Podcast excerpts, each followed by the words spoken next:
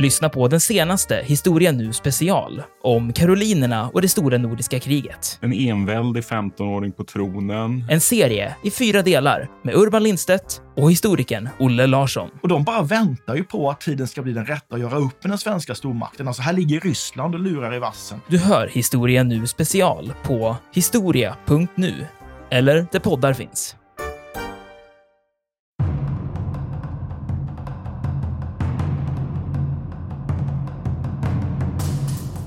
Men åter tillbaks till de här glidflygplanen. Jag har ju varit där uppe. Jag tycker ändå att det är ganska liten yta måste jag säga.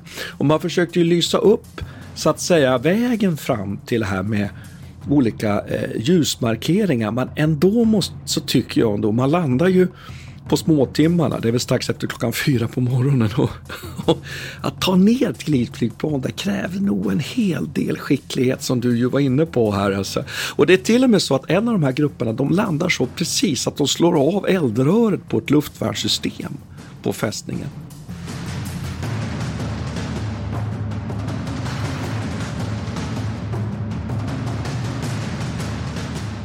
Militärhistoriepodden är podden om krig med människor och samhället i fokus. Programledare är Martin Hårdstedt, professor i historia vid Umeå universitet och Peter Bennesved, doktor i idéhistoria. Podden ges ut av förlaget Historiska Media. Stöd gärna MH-podden via vårt swishnummer 123 610 76 68. Märk betalningen med MH-podden.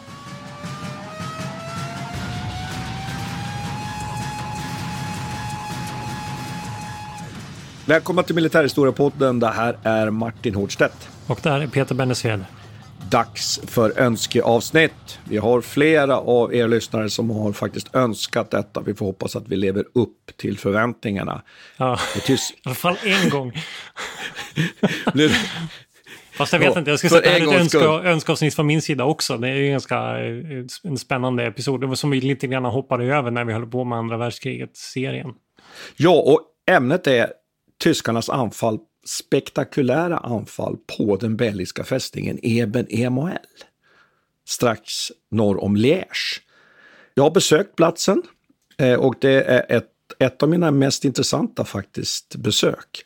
Det är väldigt spektakulärt den här fästningen. Den byggs ju eh, i ett sammanhang som jag tycker är väldigt spännande. Vi har ju pratat om Maginotlinjen, eller hur Peter? Ja, det var länge sedan nu, men det har vi gjort. Ja, och det är den franska motsvarigheten till så att säga, gränsförsvar. Och man inser efter eh, första världskriget att det här området är väldigt, väldigt viktigt. Operativt men också strategiskt. Man förväntar sig att ett tyskt anfall ska komma här och man lyckades inte då under första världskriget att stoppa det tyska anfallet just över Mös vid Maastricht som ligger faktiskt i Holland och Liège då som är en belgisk, belgisk stad. Utan de fästningarna faktiskt lite om man vrider till det, de sköt man bara rakt igenom med tyskt artilleri. De pallade helt enkelt inte med eh, den nya artilleritekniken och de fästningarna var byggda då i slutet av 1800-talet. Och då tänker man i Belgien att vi måste göra någonting åt det här och då tänker man eh, att vi skapar då en, en ny modern fästningsgördel lite längre österut och norr om Liège eh, med fyra nya moderna fort. Och deras syfte är ju helt enkelt att kunna behärska det här gränsområdet och framförallt stoppa då ett tyskt anfall över Mös och försvara framförallt tre viktiga broar över Mös. Det är väl en utgångspunkt här. Och så ska jag lägga till en sak också. Det är ganska häftigt därför man bygger också under mellankrigstiden en, en kanal. En konstgjord vattenväg. Alberts kanal. Och den, när man bygger den, så får man möjlighet att bygga in ett fort i nästan ett, vad ska jag säga, konstgjort slash naturligt eh, försvarssystem. Man bygger liksom en, konstgjord vattenförsvarslinje och i den här, eh, vad ska jag säga, branten som skapas i berget där, där spränger man in det här fortet Eben Emael. Och det är väldigt, väldigt, det är väldigt häft, den är väldigt häftig som fästning, Eben Emael, på många sätt. Jag läste någonstans att den där väggen är 60 meter hög. Ja. Fick jag det rätt? Jag vet inte. Det kan vara att de sa 60 feet också, men den verkar betydligt mindre. Men den, den ser ganska mäktig ut på bild i alla fall. Even on a budget, quality is non-negotiable. That's why Quince is the place to score high-end essentials at 50 to 80% less than similar brands. Get your hands on buttery soft cashmere sweaters from just 60 bucks, Italian leather jackets, and so much more. And the best part about Quince, they exclusively partner with factories committed to safe, ethical, and responsible manufacturing. Elevate your style without the elevated price tag with Quince. Go to quince.com slash upgrade for free shipping and 365-day returns. One size fits all seems like a good idea for clothes until you try them on. Same goes for healthcare. That's why United Healthcare offers flexible, budget-friendly coverage for medical, vision, dental, and more. Learn more at uh1.com. Millions of people have lost weight with personalized plans from Noom, like Evan, who can't stand salads and still lost 50 pounds. Salads, generally, for most people, are the easy button, right? For me, that wasn't an option. I never really was a salad guy. That's just not who I am. But Noom worked for me. Get your personalized plan today at Noom.com. Real Noom user compensated to provide their story. In four weeks, the typical Noom user can expect to lose one to two pounds per week. Individual results may vary. Martin, får jag ställa en fråga till dig då? För det här det tycker jag är ganska fascinerande. Nidbilden av den här Fall Gelb-anfallet mot, eh, mot Frankrike 19, maj ja. 1940 är ju lite ja. att man lite skämtsamt säger bara man gick bara runt Maginot-linjen. Eh, och liksom ja, gick in eh, ja. norrifrån eller via, via Belgien. Men det man inte tänker på då det är ju de här fästningarna som får säga, för mig var jag ganska okunnig om innan. Men det är ju egentligen, hade, de, så säga, hade det här misslyckats, det här eh, stormningsförsöket. Då hade vi kanske inte pratat om det här på samma sätt utan de här kanske fästningarna fått en helt annan roll i historieskrivningen som faktiskt lyckades stoppa upp eller vi vet inte hur det skulle ha, Sett ut, vad som skulle ha hänt ja. Ja, för det, det, finns då liksom en kedja av omständigheter här som har att göra med det här som du pratar om. Fall Gelb är ju den tyska krigsplanen inför anfallet i, under andra världskriget, maj 1940. Och det är ju Mansteins egentligen eh, geniala plan den att man anfaller genom Ardennerna där ju fransmännen inte har etablerat något riktigt fast eh, befästningssystem. Och man undviker Maginot-linjen. Men då kan man säga så här att ur ett franskt perspektiv egentligen så Maginot-linjen befann sig ju söder om Ardennerna. Och Liège, det vi pratade om alldeles nyss, Beben MAL och Maastricht och Mösövergångarna befinner sig ytterligare då norr om det här området så kan man säga att fransmännen genom att bygga Maginotlinjen egentligen kanaliserade det tyska anfallet in på belgiskt territorium. Och här kommer vi nu till storpolitiken, för tanken med det var att man ville ju få med Storbritannien i kriget och Storbritannien garanterade Belgiens suveränitet. Om tyskarna hamnade in i Belgien som under första världskriget, då visste man från fransk sida att då fick man över den brittiska expeditionskåren och så tänkte man så här, okej, okay, när vi vet att tyskarna är på väg, utgångsgrupperar vi. I norra Frankrike får över britterna. Tyskarna avser att gå in i Belgien. Britterna är med i matchen. De nya fästningarna med Eben Emael stoppar upp tyskarna tillräckligt länge. De får kämpa för att ta sig över Mös.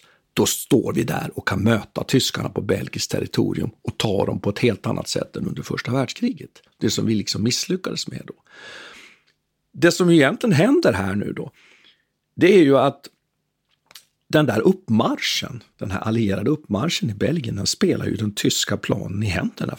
Därför anfallet kommer ju sen söder om, i Ardennerna, i Veka-livet.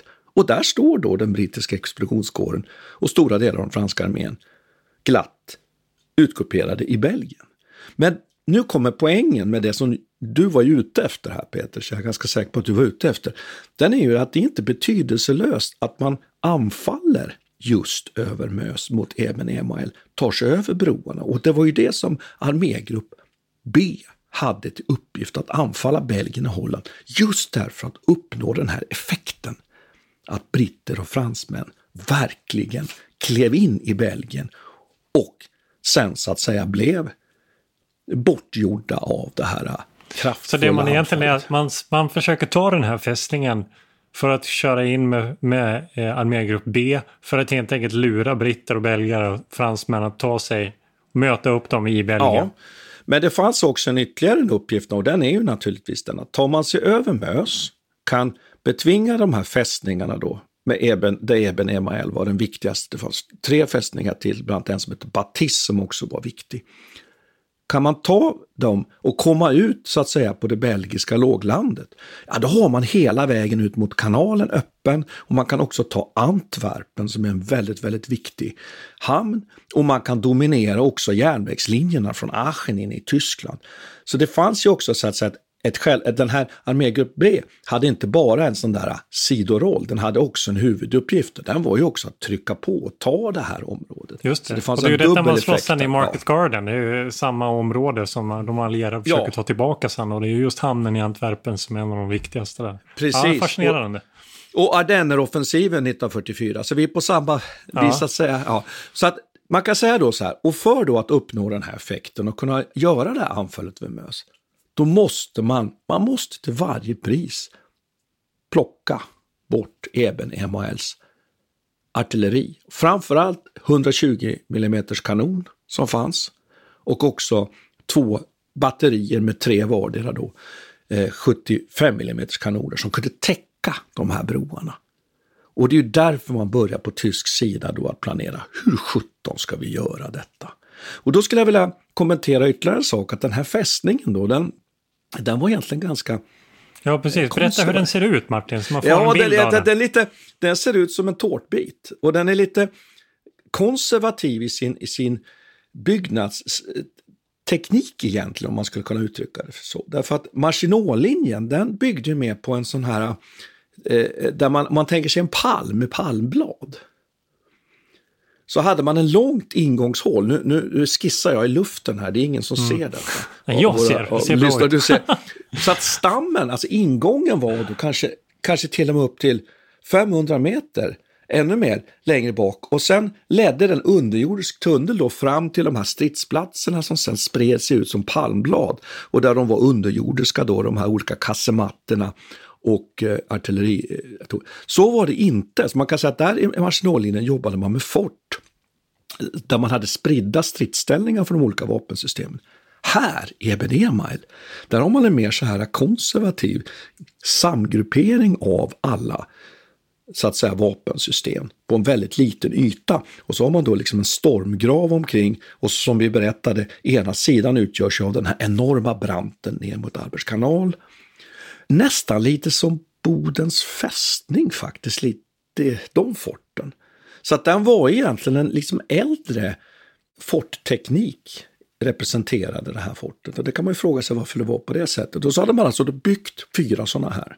Sen fanns det ett problem till med de här forten. Det var fyra fort och de skulle ju på något sätt samverka för att då stoppa. De andra forten låg då eh, lite längre österut än Eben Emael.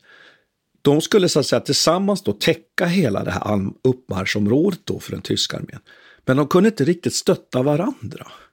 Och det var ett problem att även Emael hade inget stöd av de andra fästningarnas kanoner som kunde liksom stötta dem i den här eldstriden, täcka dem med spränggranater för att hålla undan till exempel trupp som försökte anfalla uppifrån taket.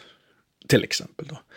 Så här har vi problemet att om man väl slog ut Eben Emael, ah, då, då var vägen öppen för att ta och anfalla broarna, som ju också var försvarade med, med olika mindre befästningssystem. Och sen forsa över broarna och så in i Belgien ända fram till Engelska kanalen. Så där är bakgrunden. Då. Ja. Ja, bra. Ja. Men får jag lägga till lite bara för att ge lyssnarna en bild om hur det här ser ut? Du sa jag känner att jag är lite torr i halsen nu. Ja, ja men det är precis. Du passar på att dricka lite. Nej, men eh, för, den ser ut som lite, en diamant säger en del också. Mm, det är som en mm. triangel i alla fall. Och man kan säga att basen är väl söderut. Och sen så går den här Albertkanalen som du pratar om, den går ju på den östra sidan det hö högersidan och sen så är det ju befästningar runt om egentligen hela. Och det här är ju som en höjd. Eh, det är en, ungefär 60 meter hög då, höjd då som är ganska ett stort område, ungefär 900 meter högt eller långt och 700 meter brett ungefär på breda stället. Eh, så det är, det är ett ganska stort område, det är ju som en kvadratkilometer ungefär. Lite mindre. Ja. Eh, och sen är det då sådana olika stridsställningar i form av artillerivapen och de är inbyggda i bunkrar och kupoler. Så det, och sen är det liksom ett tunnelsystem där inne i den här då. Där man har ledningen och sen är det långa tunnelsystem ut till varje. Och det här är ju, tycker jag är spännande. Jag vet inte om det hänger ihop med det som du sa, det här konservativa. För det är ju ett problem då att de lätt blir utelåsta från varandra. Och det tar väldigt lång tid att gå mellan de här olika ställena också. Det är ju flera kilometer av tunnlar som går runt här. Så det blir väldigt, eh, väldigt stort problem för dem att kommunicera med varandra och den ena vet inte vad som händer i den, i den andra området. Sen är det ju designat så att man ska kunna låsa de här olika ställena från varandra. Man ska kunna fälla ner järnbalkar och stänga dörrar och och så. Sen hörde jag någonstans att det var undertryck på ett av ställena. Alltså luftundertryck, det suger in luft, vilket är ett stort problem när de håller på med bunkrar. Vi kommer komma till det sen när de kapitulerar, men det där är spännande. Framförallt den här spännande? ledningscentralen mm. var tydligen undertryck. Samtidigt kan man säga att man gjorde vissa förbättringar mot så att säga, de här fästningarna som slog ut väldigt lätt under första världskriget. Vissa slutsatser drog man ju, bland annat just att man ju hade enorm ar armeringstjocklek och betonggjutningar som, som inte egentligen eh, artilleri kunde slå igenom. Och likadant det här att man hade jobbat mycket med ventilationen, för det var en sån där sak som direkt slogs ut i de här äldre fästningarna under första världskriget. Men som du var inne på här så hade man inte lyckats då fullt ut. Men man kan väl säga att som jag nämnde då så huvudartilleriet var framförallt 120 mm kanonerna och sen 75 mm kanoner i torn men också i två stycken då eh, kasematter med tre stycken. Sen hade man också runt, runt omkring för liksom närförsvaret faktiskt också 60 mm antitankkanoner som man hade tillfört lite senare under 30-talet. Så att det fanns ju en del moderniteter i den här fästningen. Men som du sa, ett av de här problemen var ju att man hade väldigt svårt med kommunikationerna. Och en väldigt märklig sak som jag fick lära mig när jag var på den här platsen, det var att olika förband runt fästningen styrde olika vapensystem på fästningen. Har du tänkt dig något så vansinnigt? Så en del, ett förband, en division någonstans utanför fästningen, styrde 120 mm kanonen och bestämde om den skulle så att säga öppna eld eller inte eller förstöras, vilket ju blev väldigt viktigt när fästningen anfölls. Medan andra vapensystem, till exempel de kanoner som inte nådde riktigt lika långt, ja, de styrdes av andra förband i, i, i närheten. Och det var ju fullständigt galet. Alltså ledningsstrukturen var väldigt förvirrad. Så han, Jatran, han har, inte, han har liksom inte full kontroll över hela fästningen egentligen? Nej, som jag uppfattade utan att Nej. det fanns då en väldigt, väldigt liksom märklig ledningsstruktur. Och vad det där berodde på, det fanns väl en viss logik i det där då kanske. Att Men det kanske har med deras neutrala status att göra ja. också, att diplomatiska skäl, att man inte vill, eh, att det ska vara mycket till för att man ska börja skjuta. Det ligger ju precis på den holländska gränsen också. Ja, det, där kan man ju faktiskt nämna en sak, att ett, ett sånt där utrikespolitiskt problem för Belgien var att man valde ju då att förklara sig neutralt för att liksom försöka undkomma nästa krig med Tyskland genom att inte provocera genom att vara en del då av till exempel en fransk-brittisk allians. Men det gjorde ju också då att man utsattes för fara att komma anfallet. Ah, då skulle man ju så att säga vara tvungen att då hamnade man ju utanför Maginot-linjen. Man måste slåss själv eller lita på då att mm. britter och fransmän kom till deras hjälp, precis som vi beskrev här i inledningen. Men det kanske har med, det kanske är därför som ledningsstrukturen såg ut som den gjorde, att man hade svårt att vara, väldigt noggrann med att det Ja, eller så ja. var det så helt enkelt att man, man eh, var man tänkte ett förband... ja, men eller så tänkte man, det fanns väl logik då, att jag menar, de här förbanden som fanns i det området där de här vapensystemen kunde verka kanske skulle ha någon form av inflytande över hur, hur de sköt då. Nog om det, men, men tyskarna då, Peter, den här spektakulära operationen den genomförs ju av fallskärmsjägare, men inte med fallskärm. Nej, just det. De använder glidflyg. Just det. One size fits all, seemed like a good idea for clothes. Nice dress. Uh, it's a T-shirt. Until you tried it on. Same goes for your healthcare. That's why United Healthcare offers a variety of flexible, budget friendly coverage for medical, vision, dental, and more. So, whether you're between jobs, coming off a parent's plan, or even missed open enrollment, you can find the plan that fits you best. Find out more about United Healthcare coverage at uh1.com. That's uh1.com.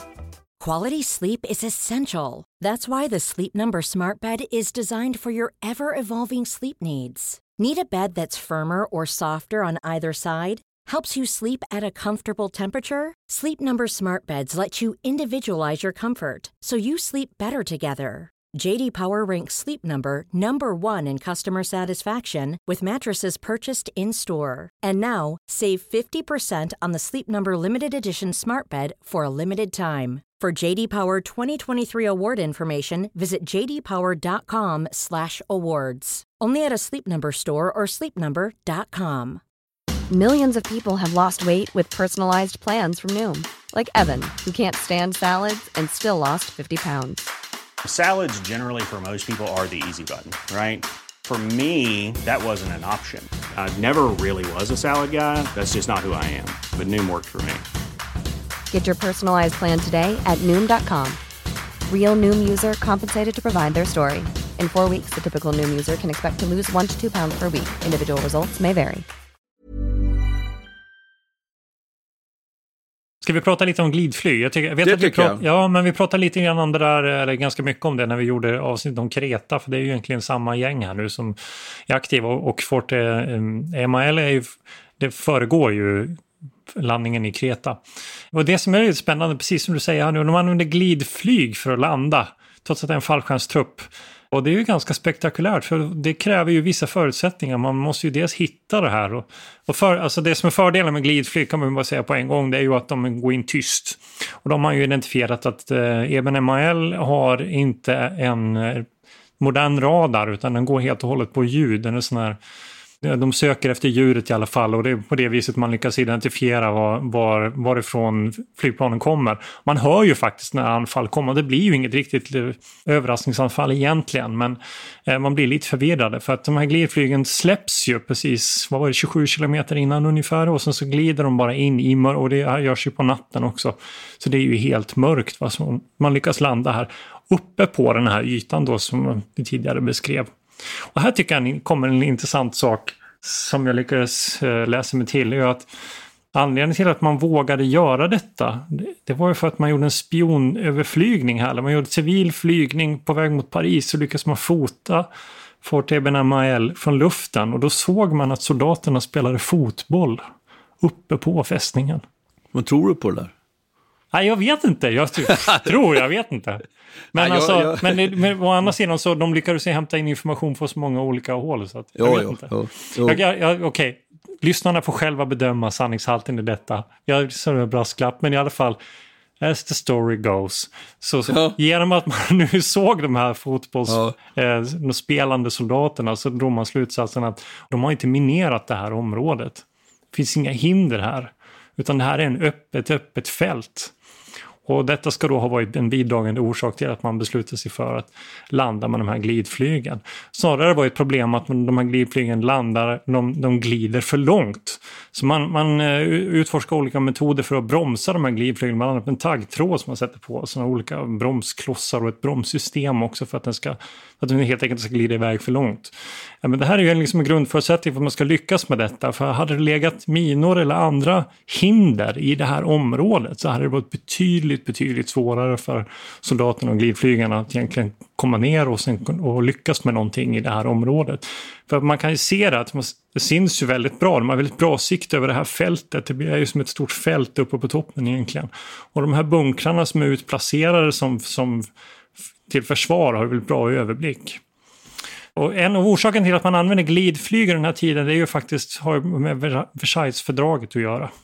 Att man helt enkelt inte är tillåtna under mellankrigstiden att ha eh, flygplan av en viss storlek och en viss mängd. Så därför fostrar man den här glidflygningskulturen faktiskt i Tyskland. Det är som en slags sport, sportflygning. Och därifrån hämtar man sedan väldigt mycket rekryter och frivilliga. Och jag tror faktiskt att det är två stycken frivilliga från en sån här segelflygningsklubb som deltar i själva aktionen. Det var det jag tänkte säga om eh, segelflyg. Ja, men, och det där det tror jag att vi var inne på när det gäller Kreta. Och då kan man ju säga det att Kreta då 1941, det blir ju så att säga avslutet egentligen för fallskärmsförbanden, luftlandsättningsförbanden ska man ju säga, både med glidflyg och med, med fallskärm, för de har så enorma förluster och Hitler bestämmer sig i stort sett för att förbjuda att använda det. Här är man ju på toppen av sina glory days, kan man säga då, för att man lyckas ju med den här, den här operationen. Och det tycker jag är viktigt att komma ihåg här. Vi, som du var inne på så startar man från två flygfält utanför Köln. Det är 42 glidflygplan som då dras av Junker 52 år och sen som du säger så släpps man då, du sa ju 27 kilometer faktiskt. Så det tar en 12-14 minuter till den där. Jag, jag tänker ju bara lite på när man sitter i den där glidflygplanen. Eh, jag har sett ett sånt där eh, eh, som finns utställt då i fästningen och jag kan säga att det där packade som sillar får ju en får ju, kan ju säga, en visuell uppenbarelse. Men hur långt stora är de? de är de 10 ja, de, meter eller? Vad är alltså de är små och de sitter packade kan jag säga. Så att den här stridsgruppen då som är där inne, de sitter tätt. Och de kan inte agera särskilt mycket om någon till exempel träffas av luftvärnselden eller någonting sånt.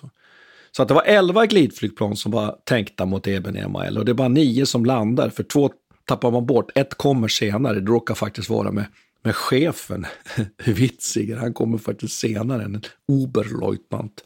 Så istället blir det den här Wenzel, Oberfeldwebel Wenzel, som kommer att få leda attacken med nio eh, glidflygplan. Men det jag skulle säga att det är viktigt att komma ihåg att det här var ju en, var ju en kombinationsoperation, så att det är ju det här anfallet mot fästningen som ju är det mest spektakulära. Men det fanns tre stridsgrupper till som attackerade varsin bro över Mös samtidigt där man var tvungen att slå ut blockhus och, och, och eh, bana sig iväg för att kunna rädda de här broarna. Och där lyckades man ju så tillvida att man tar två broar, men den tredje hinner faktiskt belgarna att, att, eh, att spränga. Så jag tycker att det är viktigt i alla fall att ha med det att det är en samlad operation här. För att kunna bana väg då helt enkelt öppna upp för den tyska arméns anfall över, över Mös. Då. Men åter tillbaks till de här glidflygplanen. Jag har ju varit där uppe. Jag tycker ändå att det är ganska liten yta måste jag säga. Och man försökte ju lysa upp så att säga vägen fram till det här med olika eh, ljusmarkeringar. Men ändå måste, så tycker jag ändå, man landar ju på småtimmarna, det är väl strax efter klockan fyra på morgonen. Och, och att ta ner ett glidflygplan, det kräver nog en hel del skicklighet som du ja, ju var inne precis. på här. Alltså. Och det är till och med så att en av de här grupperna, de landar så precis att de slår av eldröret på ett luftvärnssystem på fästningen. Och det här luftvärnet ser ju så småningom de här glidflygplanen och börjar skjuta, men det är liksom redan för sent för då har de där kommit ner tillräckligt många. Och det är också så att ett av de här planen som kommer ner lite sent och eh, några får faktiskt ta en extra vända upp i luften innan de går ner. Därför att de inte ska, det är viktigt att de landar liksom en efter en efter en och inte alla på en gång för då blir det ju katastrof där nere. De glider då på det här blöta gräset och stannar då 25 meter från sin, från sin då huvuduppgift. Och då hade de alltså en huvuduppgift, en första uppgift. Och sen hade de då en andra uppgift. Och det som jag tycker är så fantastiskt med den här operationen, den är ju att man alltså inom loppet av 30 minuter, 60 minuter, så har man lyckats påverka denna enormt då ändå i någon mening starka fästningen så pass mycket genom att slå mot de här artillerisystemen då. Så att man egentligen har faktiskt löst sin uppgift, nämligen att omöjliggöra för fästningen att täcka broarna över Mös och broarna vid Maastricht med eld. Det tycker jag är ganska otroligt. Men det var inte hur lätt som helst att slå sig in i de här bunkrarna, eller hur? Och här kommer vi till någonting som också är så fantastiskt med mm. den operationen, eller hur Peter? Det är väldigt, för det första kan man väl säga att det är mycket slump också. Det här eh, Jotran, han fattar ju beslut också att skicka iväg folk ut i några baracker som är utanför fästningen. Ja, du tänker chefen på ja, fästningen. Ja, eh, och för, för att rensa eh, dokument och tömma de här barackerna som, som administrativa byggnader egentligen. Och detta gör att några av de här stationerna då, eller Eh, stridsställningarna är helt enkelt tomma på folk eller inte har tillräckligt mycket folk. Och det tar jättelång tid för dem att springa fram och tillbaka. Så även, och det är det som är så lustigt, trots att man hela tiden är medveten om att den här attacken är på väg, om man skjuter och om man försöker försvara sig så lyckas man ändå inte. Så det, själva överraskningsmomentet är ju ganska förstört på, på många sätt. Men, men det är de här många omständigheterna som, som saboterar. Men man kan väl säga, det som är spännande, eller Ja, för det var jag, det, det jag är ute efter nu här. Det är ja, det men själva, till själva, mm. attacken, det de gör. Precis. Ja. Det, när de landar och sen har de sin stridsuppgift. De ska ta och slå ut en av de här olika bunkrarna eller mm. Eh, stridsställningarna. Kassematterna. Ja. ja, kassemattor eller kupol eller vad det nu är. Observationstorn, det finns ju olika sådana former. Och det man gör då, det är helt enkelt att man försöker springa fram till den här för att undkomma elden. Eh, och sen söker man ta sig upp på den eller på något vis mot någon dörr eller någonting annat, någon eh, öppning och svaghet. Och så sätter man på en sån här liten sprängladdning med riktad sprängverkan, en så kallad RSV-sprängladdning. Eh, och det där är, det kallas för hollow charge eh, eller shaped charge. På tyska är det Håladung. Jag vet inte uttalet där men, men eh, det får någon annan bedöma. I alla kritik för. Och, och, de, och de där är, är, antingen då i 12 kilos eller i 25 kilos klassen. Så det är två olika storlekar och de här har man med sig och med tanke på vad du sa innan så måste det vara trångt för de, de här stora laddningarna de är, de är ganska mastiga och de är tunga att bära runt. Och de här fungerar väldigt effektivt då genom att de lyckas slå rakt igenom den här betongen. Och det är faktiskt första gången som det här används på det här viset. Och jag känner till, och kan läsa mig till i alla fall, som en slags bunkerbuster. Just det. det här är en lång historia egentligen och jag vet inte om jag ska dra hela, men det, den här typen av teknik är liksom, det här och det, det tycker jag är spännande att en av, eller en av flera olika innovationer under andra världskriget som kanske inte får så jättestort utrymme. Oftast är det de här stora radarn, i och för sig sånt som man pratar om, och sen är det slagskeppen och flygplanen. Men den här Hollow Charge eller RSV-sprängladdningen tillsammans med till exempel zonröret eh, som gör att granaterna detonerar lite ovanför marken till exempel. Det är två innovationer som slår igenom under andra världskriget och även den här eh, tvåvägsradion. Eh, Sånt som gör liksom helt förändrar slagfältet egentligen. För nu visar man ju här i Eben MAL att det går egentligen inte att skydda sig. Så fort soldaterna kommer nära här så kan man slå ut de här bunkrarna med den här typen av laddning. Och så har de funkar då, det är ju att man har det som en liten en hålighet under. De tyska bomberna är formade som en liten, som ett halvklot ungefär. Och så har man en hålighet under och så har man själva sprängladdningen eller sprängdegen inne i den här sfären. Och så i den här håligheten har man ett, ett litet lining kallas det på engelska. Treva efter ordet på svenska, men någon slags hölje. Eh, ett, inre, ett inre hölje av eh, metall. Och när den här sprängladdningen sprängs då så, så formar det här lilla höljet där inne en slags spets av flytande metall som liksom slår rakt ner och därför heter det riktad sprängverkan. Det slår liksom rakt igenom som en kil. Och på det här viset kan man komma igenom väldigt tunga material. Det här är ju grunden egentligen till Ja, det vet de flesta lyssnare, men... Eh, Pansarbrytande an, vapen. Anti, mm. Antitankvapen av olika slag, antipansarvapen och bazookan, Panzerfaust som vi har pratat om i Berlins fall till exempel. Det är precis den här tekniken som används. Och det här är första gången. Häftigt tycker jag.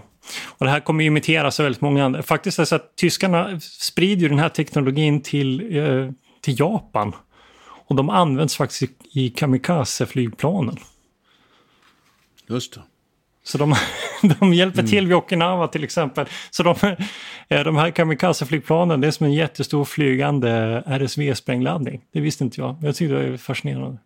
Okej, åter till Eben MHL i alla fall. Men, det, men, det, men... Det, det, är så, det är på det, på det här viset som man slog ut de här eh, olika kassemattorna och bunkrarna. Just det.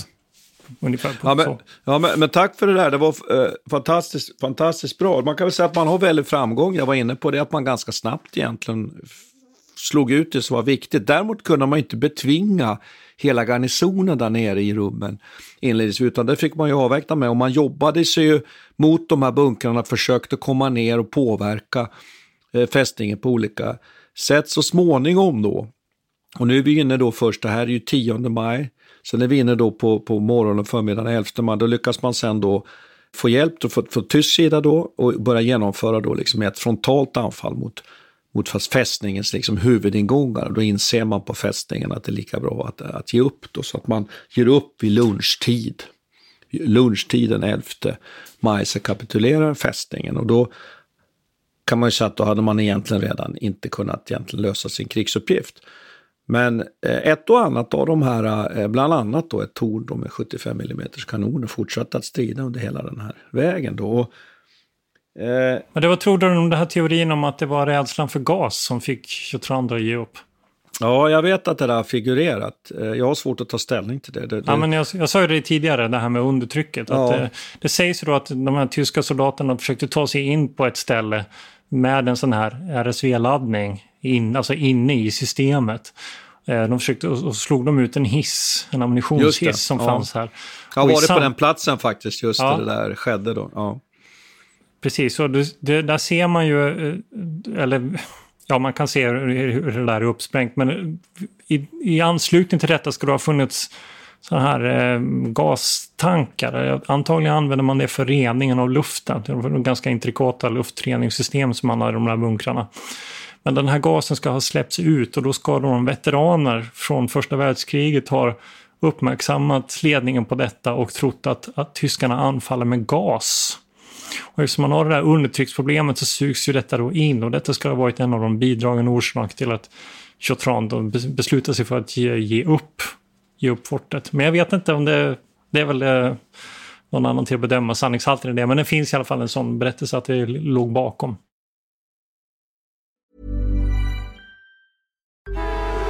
Traffic jams, tailgating, pileups. Ugh, the joys of driving. How could it get worse? The federal government wants to have a say in what you drive. That's right. The Biden administration's EPA is pushing mandates that would ban two out of every three vehicles on the road today. Don't let Washington become your backseat driver. Protect the freedom of driving your way. Visit EnergyCitizens.org. Paid for by the American Petroleum Institute.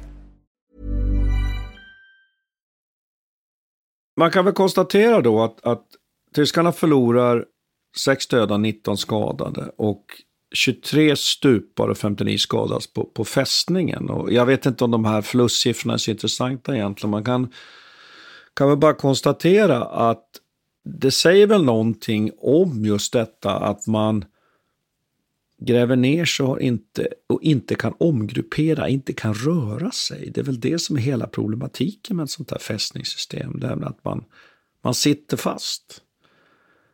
Och det bygger liksom på att man kan undvika att motståndaren kommer för nära. Det är väl det som är hela, hela så att säga, lösningen på att kunna hålla en sån här fästning. Och när man inte klarar det då, och de här då kommer, landar på taket, det som man ju förefaller vara helt oförberedd på. Det, det, det kan man väl förstå, Peter, att, att, att de var oförberedda på. Eller skulle de ha förstått det här, belgarna?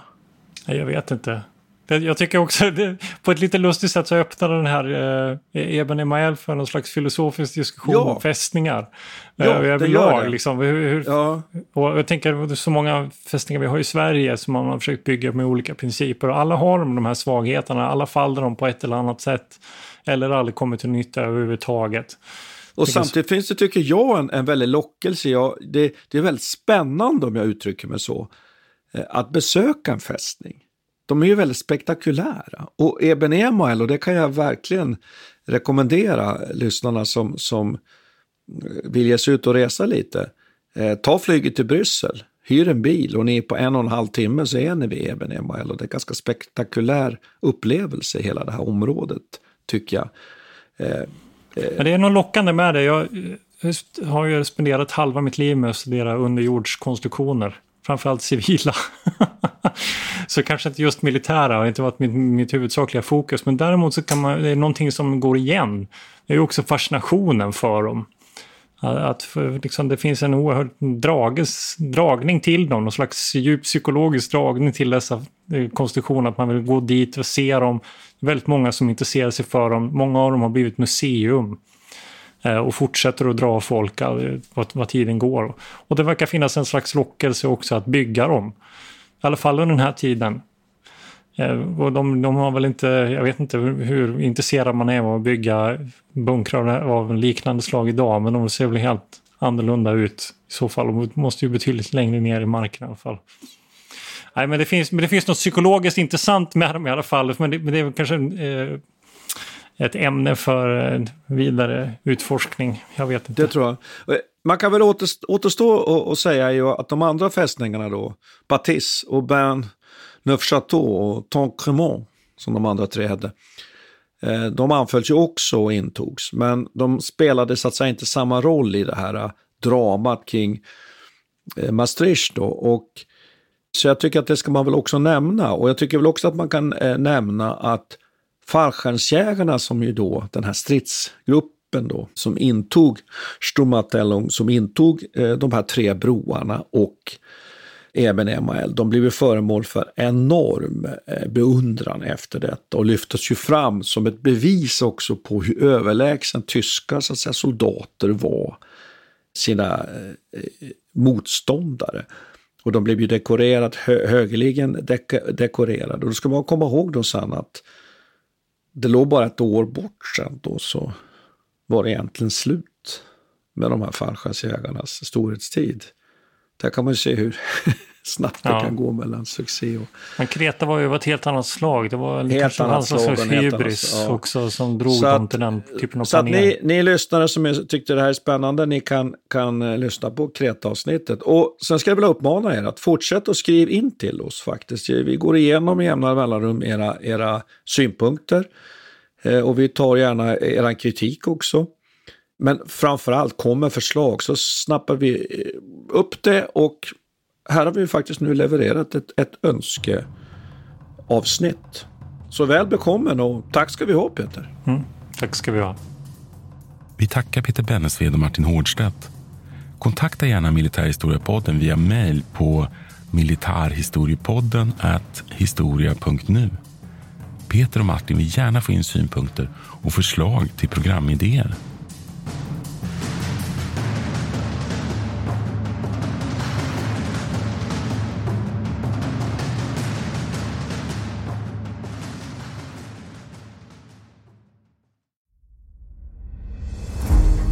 Jakob de la Gardie är den enda svenska fältherre som lett en armé till Moskva och trätt fram inför tsaren. Bedriften gjorde honom till en av 1600-talets största befälhavare. Moskvas erövrare är den första biografin över Jakob de la Gardie, en av stormaktstidens portalfigurer. Historikern Peter Ullgren följer hans stormiga bana från den föräldralösa barndomen vid 1500-talets slut till maktens topp och den mullrande statsbegravningen i Stockholm 1652. Moskvas erövrare är utgiven av förlaget Historiska Media. Ljudboken finns tillgänglig hos streamingtjänster som Bookbeat, Storytel och Nextory. Beställ den fysiska boken på förlagets hemsida historiskamedia.se eller köp den i en bokhandel nära dig.